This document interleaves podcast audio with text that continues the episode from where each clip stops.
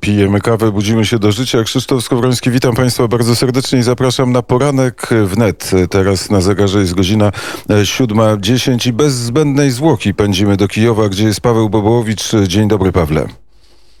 Dzień dobry, witam serdecznie. Napięta sytuacja na wschodzie Ukrainy, zgromadzenie wojsk rosyjskich, wizyta ministra Rała w Kijowie. Tak, spróbuję może opisać tę sytuację, jak to wygląda troszeczkę szerzej.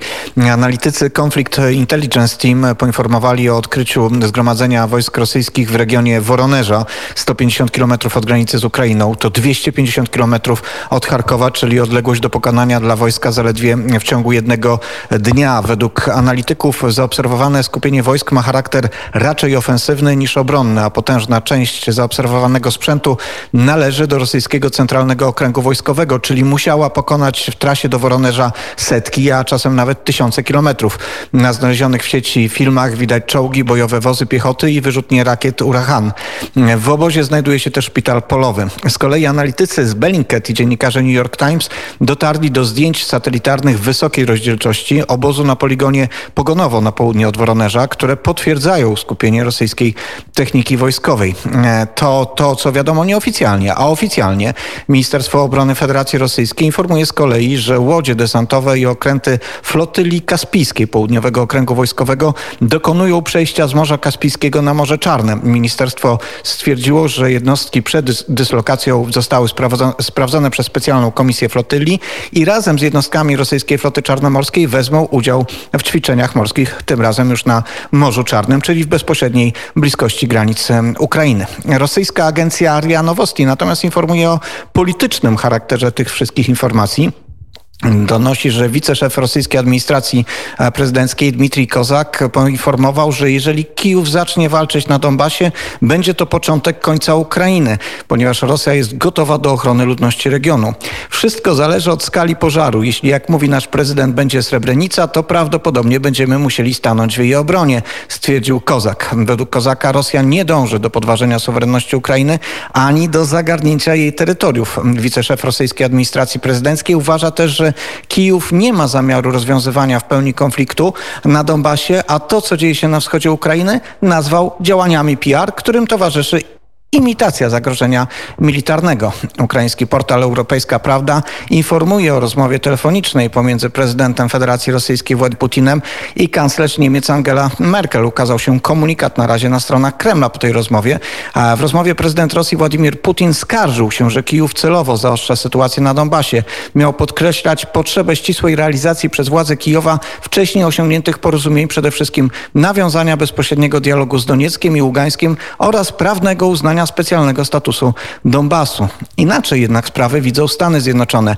Rzeczniczka Białego Domu Jen Psaki potwierdziła obawy Stanów Zjednoczonych dotyczące eskalacji działań Rosji na Donbasie i w pobliżu granic Ukrainy. Rosja ma teraz więcej żołnierzy w pobliżu granic Ukrainy niż w 2014 roku. W tym tygodniu zginęło pięciu ukraińskich żołnierzy, stwierdziła Psaki, wspominając też ubiegłotygodniową rozmowę Bidena z Zełęskim. Podkreśliła, że Stany Zjednoczone konsultują się w tej sprawie z innymi państwami NATO.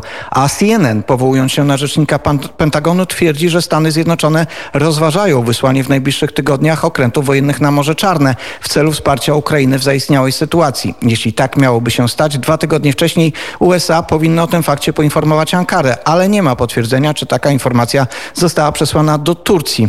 Wczoraj prezydent Ukrainy z kolei przebywał bezpośrednio na froncie i jak podaje biuro prezydenta, zaledwie 80 metrów od pozycji wroga. Na tym odcinku frontu ukraińscy obrońcy są nieustannie ostrzeliwani przez snajperów wroga. Okolica jest zaminowana. W wyniku ostrzału zniszczona została okoliczna infrastruktura. Napisano w komunikacie na prezydenckiej stronie. Prezydent przebywał też w miejscu, gdzie ostatnio zginęło czterech ukraińskich żołnierzy, a wczoraj rano na froncie zginął też kolejny ukraiński żołnierz, jedenasty w ciągu ostatnich dwóch tygodni. W takiej sytuacji właśnie w czwartek w trybie pilnym e, w Kijowie przebywał z wizytą minister spraw zagranicznych Rzeczypospolitej Polskiej profesor Zbigniew Rau. Celem mojej wizyty było potwierdzenie naszej polityki, że Ukraina nie jest osamotniona w obronie suwerenności, integralności terytorialnej i nienaruszalności granic i Ukraina ma prawo się bronić. Cytuję, biura, cytuję słowa ministra biuro rzecznika MSZ. Minister rozmawiał z ministrem spraw zagranicznych Ukrainy Dmytrą Kulebą, przewodniczącym delegacji Ukrainy w trójstronnie,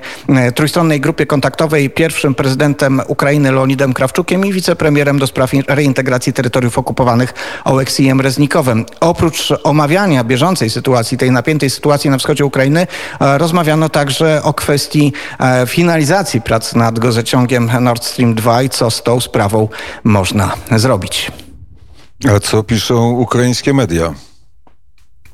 Ukraińskie media oczywiście informują szeroko o tej wizycie. Ona była wczoraj e, komentowana od samego początku. Zresztą e, to wizyta była bardzo nietypowa, ponieważ przygotowana szybko, do niej miało dojść e, później, więc nie miała takiego charakteru jak zazwyczaj mają wizyty, nie było konferencji prasowej, ale Ministerstwo Spraw Zagranicznych Rzeczypospolitej Polskiej na bieżąco informowało w trzech językach, po polsku, po, po angielsku, po ukraińsku, informowało o przebiegu tej wizyty, o rozmowach. W podobny sposób zachowała się strona ukraińska, także wszystkie e, media ukraińskie podawały te informacje, chociaż przyznaję szczerze, że e, gdy śledziłem wczoraj e, ukraińskie media elektroniczne, to więcej informowano o tym, że Litwa i Łotwa zgodziły się, czy zaproponowały, że będą zgłaszać Ukrainę do tego planu przygotowania do wstąpienia do NATO, niż o tej wizycie ministra spraw zagranicznych, ministra Zbigniewa Rała, ale być może to właśnie wynika z tej specyfiki, że bezpośredniego kontaktu z mediami nie było. Być może teraz ta wizyta będzie jeszcze komentowana